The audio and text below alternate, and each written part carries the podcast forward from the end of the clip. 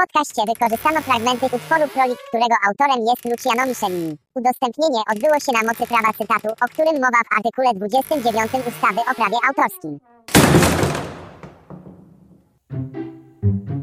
Mamy zimę. Dokładnie taką samą jak dziś, czyli białą, śnieżną i mroźną, z tym, że jest grudzień 1900 roku. Właśnie otworzono nowy gmach Towarzystwa Zachęty Sztuk Pięknych w Warszawie. No i muszę Wam powiedzieć, że to było ogromne wydarzenie, bo na galę przybyła cała śmietanka towarzyska stolicy. Byli tam oficjele, krytycy, dziennikarze, byli mecenasi, a nade wszystko malarze. No, ale wiecie, nie jacyś tam pierwsi, lepsi malarze, skądże znowu, tylko ci, którzy osiągnęli już pewien sukces. Wśród zaproszonych znalazły się takie sławy jak Wojciech Kosak, to ten od koni, czy też Julian Fałat, ten od śniegu. Sęk w tym, że w czasie hucznej uroczystości wielce szanowny malarz Fałat podszedł do równie wielce szanownego malarza Kossaka i dał mu w pysk. No i skończyło się rumakowanie.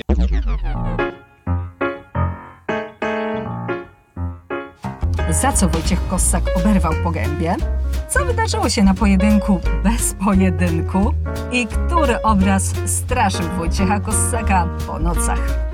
O tym wszystkim opowiem już za moment. Nazywam się Agnieszka Kijas i jestem krytykiem sztuki, a wysłuchacie kolejnego podcastu z serii Dawno temu w sztuce. Czyli wszystko, co chcesz wiedzieć o malarstwie, ale bez nadęcia. Dzień dobry wieczór, ponieważ klasycznie nie wiem o jakiej porze słuchacie tego podcastu. Równie dobrze może być to o świcie, może w samo południe, albo w nocy o północy. Za to chyba najbardziej kocham podcasty, że są takie uniwersalne. W każdym razie ja witam Was ponownie z wnętrza mojej przepastnej szafy, którą dzisiaj oprócz sukienek i swetrów wypełni ten tent kopyt, ale padną tu też strzały.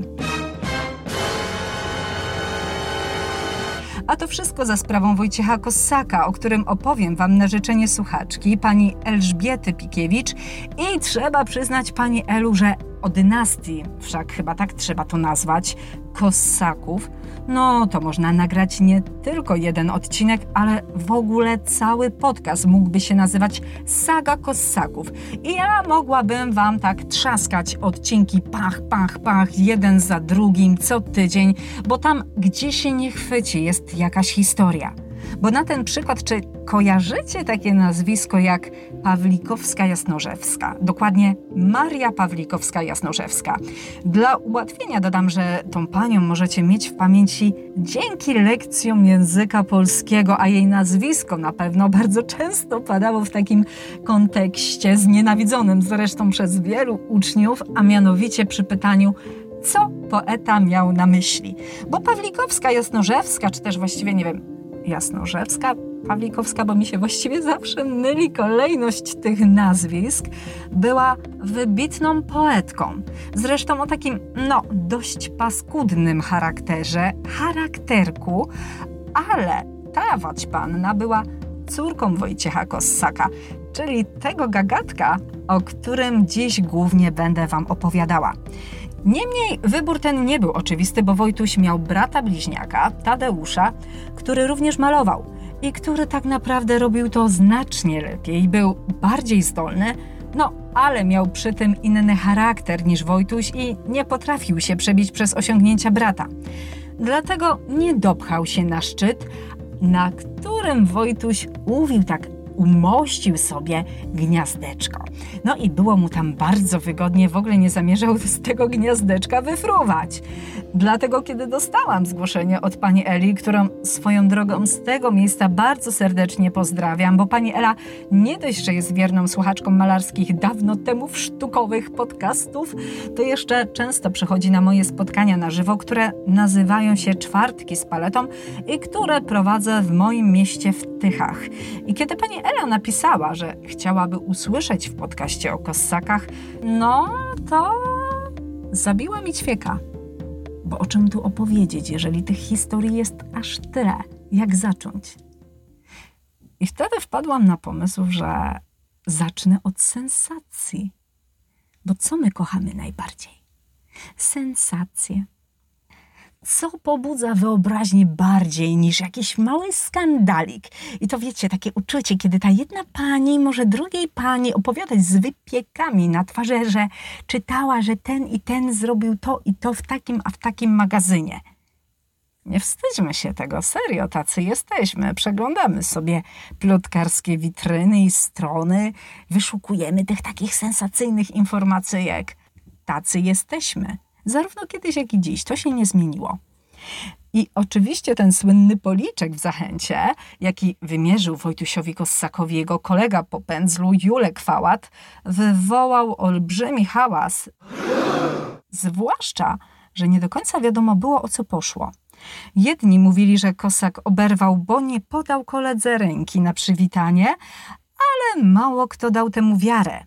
To nie pasowało do osobowości Fałata. On po prostu nie był jakimś awanturnikiem, nie należał do ludzi o wybuchowym charakterze, temperamencie.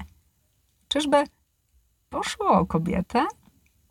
W końcu Wojciech Kosak słynął z licznych miłosnych podbojów i do dziś krąży taka anegdota, że jeśli na obrazie Wojciecha Kossaka sportretowaną osobą jest kobieta, to na 99% była ona kochanką artysty. Ten pozostały 1% stanowią wizerunki żony lub córek artysty. I ja nie pamiętam, gdzie to przeczytałam, ale tak mnie rozbawił ten 1%, bo on wiele mówi o charakterze artysty i ja też wielokrotnie go przytaczam. Ale tym razem to nie kobieta wpakowała Kossaka w kłopoty, a panorama. Bo trzeba wam wiedzieć, że w tym okresie panowała istna moda na monumentalne obrazy. Już sporo wcześniej ludzie oszaleli na punkcie bitwy pod Grunwaldem. No, co prawda była ona różnie odbierana, ale jednak ustawiały się pod nią wielkie kolejki, wabiła ona publiczność, a równie wielkie emocje wywoływała pierwsza polska, no i swoją drogą zachowana do dziś, panorama Racławice. Bez dwóch zdań panoramy zawładnęły publicznością, skradły serca publiczności, bo w nich było wszystko wyjątkowe. Nie tylko gigantyczny rozmiar, a w przypadku panoramy racławickiej jest to 15 metrów na 114, to był kolos. Ale ciekawy był także sam sposób eksponowania dzieła. Takiego obrazu nie da się ogarnąć wzrokiem. Ten obraz nas otacza i trzeba stanąć po środku rotundy i dosłownie być w dziele, w samym sercu bitwy. Następnie należy przesuwać się bardzo powoli, tak by na kolejnych fragmentach dzieła oglądać przebieg bitwy, kawałek po kawałeczku. My dzisiaj, patrząc na taką panoramę, na pewno nie zobaczymy w niej tego samego, co widzieli ludzie, którzy oglądali ją na początku XX wieku. Bo nas do takich, dokładnie do takich samych monumentalnych ujęć, batalistycznych scen przyzwyczaiło kino. Wystarczy włączyć sobie jakiś odcinek gry o tron, ten taki, gdzie ta bitwa się rozgrywała w nocy, albo wiecie, tą taką epicką scenę z Braveheart, gdzie on tak zagrzewa ludzi do walki. that they may take our lives,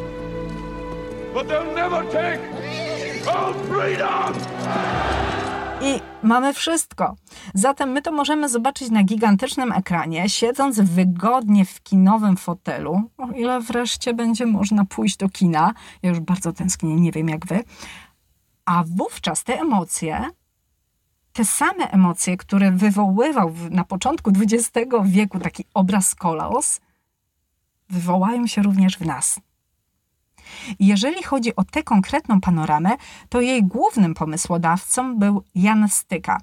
I to jego nazwisko wymienia się zawsze w pierwszej kolejności, gdy mowa jest o autorze tego dzieła. Kossakowi, który również pracował nad obrazem, przypadła dość niewdzięczna rola pomocnika, bo on został do tego projektu przez Stykę zaproszony. W rzeczywistości jego wkład był znacznie większy. On nie był tylko jakimś tam pomagierem, ale tak się go ukazywało w mediach. i nie szedł na niego ten snop światła z reflektora. I nawet na etapie tworzenia trzeba przyznać, że panowie często się sprzeczali, czy też wręcz nieomal pobili. Tak jak mówiłam, tutaj gdzie nie zaczniemy jest jakaś historia. Dlatego, kiedy Julian Fałat złożył Kossakowi propozycję, by wspólnie stworzyli inną panoramę, na której miała zostać ukazana przeprawa przez Berezynę, Kossak zgodził się, ale wiedział jedno. Nie pozwoli sobie zabrać zasług. Jednak posunął się w tym nieco za daleko, bo zupełnie zdeklasował Fałata. A przecież Berezyna była dzieckiem Fałata. To on zainicjował jej namalowanie, zaprosił do współpracy Kossaka, zresztą to on pozyskał fundusze i, no, trzeba to powiedzieć wyraźnie, wykonał lwią część pracy na płótnie, pracy malarskiej. On zajął się pejzażem, a przecież nikt, nikt na całym świecie, tak jak Fałat nie malował śniegu, nikt. Przejrzyjcie sobie jego obrazy. Ja jeszcze je wrzucę na mojego fejsa na dawno temu w sztuce.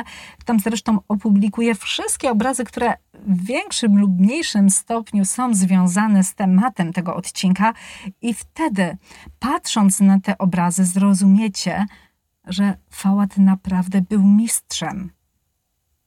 A dodatkowo przy Berezynie malował nie tylko pejzaż. Spod jego pędzla wyszedł też tłum maruderów i ten słynny most, który służył do przeprawy. Sporo tego było serio i taka cała sceneria została przez niego namalowana, taki plan akcji.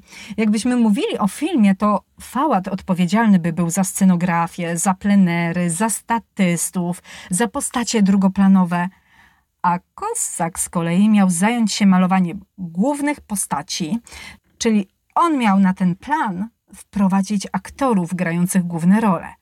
No i ich konie, bo konie były domeną kossaków.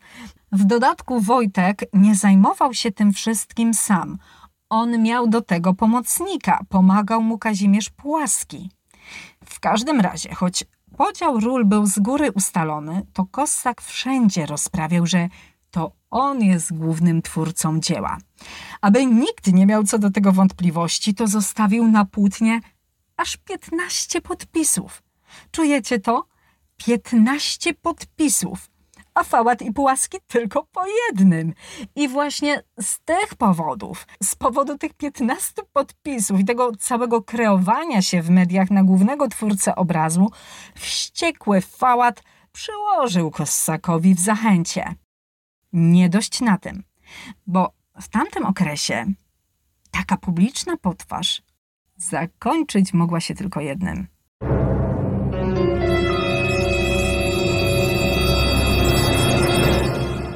Pojedynkiem. Wyznaczono sekundantów. Dwa dni później panowie artyści stanęli naprzeciwko siebie z bronią w ręku. Brzmi groźnie? Nie powinno, bo cały pojedynek można podsumować jednym słowem. Farsa. Faład nawet nie wymierzył w przeciwnika, a Kossak, choć nacisnął spust, to rozmyślnie celował w zupełnie innym kierunku. Wiecie, tak pżum, w niebo, piw-paw. I to całe zdarzenie od momentu wymierzonego policzka do momentu pojedynku Wojteczek opisał w liście do żony w takich oto słowach. Dzięki Bogu zesztywniałem i nie rzuciłem się na niego. Pomyśl, co mogłoby się stać wobec tych Moskali i całej Warszawy. No, okropność pomyśleć. Posłałem mu sekundantów. Przed godziną w Ursynowie strzelałem do niego. Chybiłem, czego nie żałuję. A on nie chciał do mnie strzelać, tylko stał, jakby żądając śmierci. Ponieważ jeszcze dwa razy mogłem strzelać i on także, poprosiłem Olesia, aby go się zapytał, czy nadal nie zamierza się bronić. Nie, odpowiedział. No to ja rzuciłem pistolet na ziemię i powiedziałem sekundantom, że do bezbronnego strzelać nie mogę. Nie podawszy mu ręki, wsiadłem do karety. No i sami powiedzcie, czy to nie jest słodkie, taka wielka zniewaga? No, on mu nie podał ręki. Tak wyglądał ten cały wielki malarski pojedynek.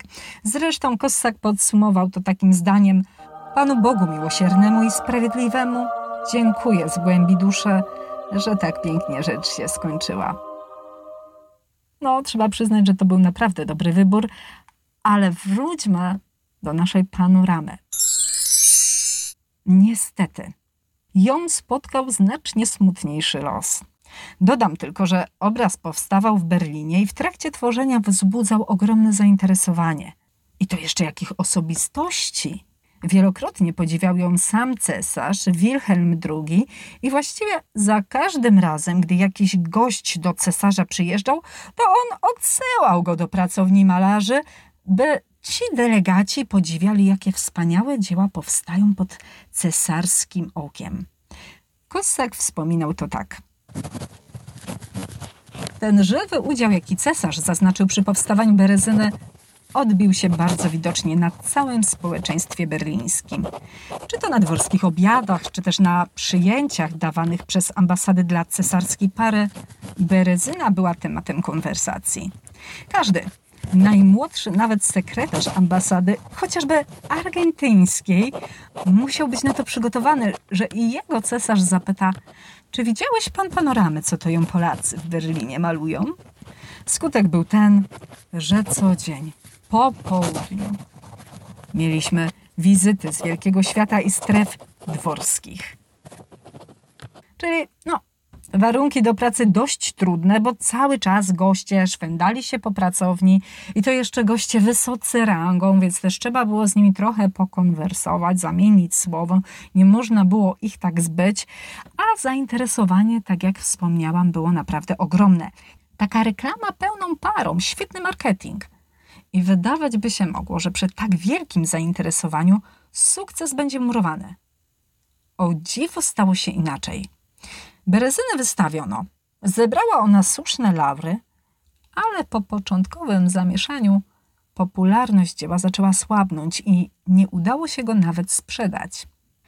Kossak nie patyczkował się i niejako zawłaszczył obraz, ponieważ kazał go zwinąć na wałek i przewiózł do Krakowa, do swojej pracowni. Później wspominał, że malowidło straszyło go po nocach. A skoro tak, czy to był powód, dla którego je zniszczył? No nie dlatego, ej. Jak już wam powiedziałam, Wojciech Kossak to był taki niezły gagatek, taki ananas, czy też wręcz może urwi połeć. I moja córka, a to jest wiecie, taka naprawdę fajna siedemnastolatka, mówi do mnie tak, ej mamo, skąd ty w ogóle znasz takie słowa jak urwi połeć? Ty tu tak sobie lecisz na luzie, a za chwilę rzucasz jakimś takim właśnie hasłem, takim urwi połciem z kosmosu. Tak sobie pomyślałam, że jeśli znacie jakieś takie fajne słowa, jakimi mogę moglibyśmy jeszcze dodatkowo określić charakter Wojtusia Kossaka, to śmiało do mnie piszcie, wspólnie się pośmiejemy i bardzo bym chciała, naprawdę, ja bym bardzo, bardzo, bardzo chciała, żeby wróciło Urwi Połcie. Czy to by nie było cudowne? No, no byłoby. A chodziło mi o to, że Wojtka Kossaka ciężko jest określić jako człowieka o szlachetnym charakterze. Wiecie, bo wręcz przeciwnie. To był łasy na pieniądze cwaniak, taki kasa, kasa, kasa. I w pewnym momencie, kiedy na rynku był taki boom na jego obrazy, wszyscy się na nie rzucali, to on malował, zresztą nie sam, na przygotowanych wcześniej przez na przykład jego syna podmalówkach, takie swoje jakieś drobiażdżki. Coś tam maznął, coś tam chlapnął, coś tam dodał i fru. Takie byle jakie coś, bądź co bądź obraz, szedł na sprzedaż. I ktoś powie, no jak to namalował go znany artysta, ho, ho, ho. Ta, z tym, że tym obrazom jest bliżej do kiczu niż do sztuki, wierzcie mi. Ale kasa jest.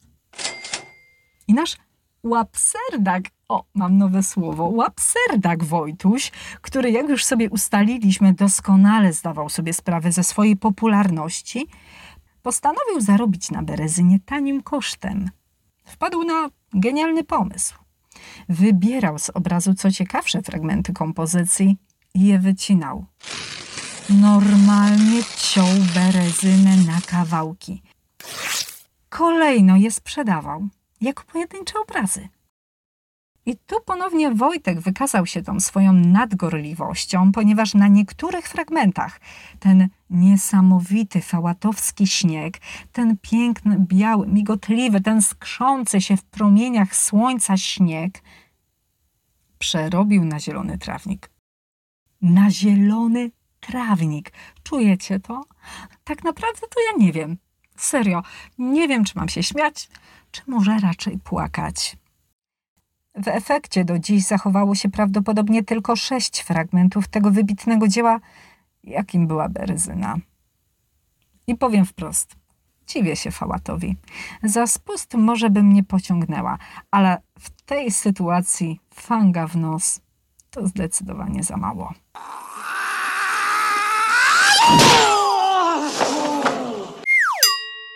Przypomnę, że ten podcast powstał na życzenie pani Eli Pikiewicz i coś mi mówi, że do Kossaków jeszcze wrócimy. Tak jak wracamy do czwartków z paletą, bo pewnie większość z Was nie wie, ale czwartki z paletą to jest taki mój cykl spotkań z Wami, spotkań na żywo. Jeżeli ktoś z Was mieszka, tak jak ja, na Śląsku, a konkretnie w Tychach lub też gdzieś w okolicy Tychów jest w stanie dzisiaj tutaj do Tychów dojechać, to dokładnie dziś o 18 w Miejskiej Bibliotece Publicznej w Tychach będzie okazja, by się spotkać, by się zobaczyć. Dlatego zapraszam Was bardzo serdecznie dzisiaj, oczywiście pod warunkiem, że słuchacie tego podcastu w dniu premiery, czyli 25 lutego w czwartek, na spotkanie, podczas którego opowiem Wam o Fridzie. Oczywiście wszystko na luzie i wstęp jest totalnie dla Was za free. Wszelkie informacje o czwartkach z paletą znajdziecie na moim facebookowym fanpage'u dawno temu w sztuce i tam też możecie przez Messengera przesyłać zgłoszenia tematów do kolejnych malarskich podcastów. Z góry mówię, że kolejka jest bardzo długa, ale piszcie śmiało, naprawdę zachęcam. No i tę urwipącie też mi tam możecie przesyłać.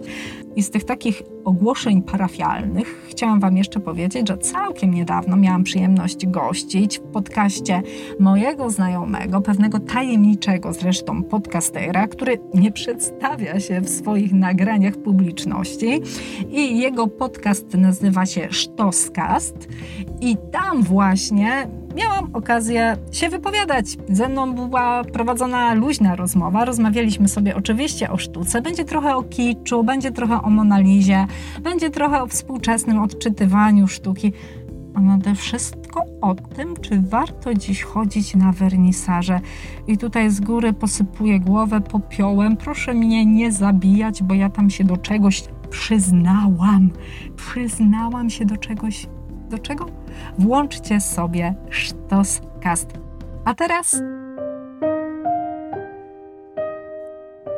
wracamy tu i teraz, czyli na koniec tego podcastu, gdzie tradycyjnie zagra dla Was młoda i uzdolniona kompozytorka z Tychów Hania Derej, która choć jest nastolatką, no to potrafi już wyczyniać takie cuda na pianinie. Hmm. Można się rozmarzyć, co nie? Tego Wam oczywiście życzę. Do usłyszenia.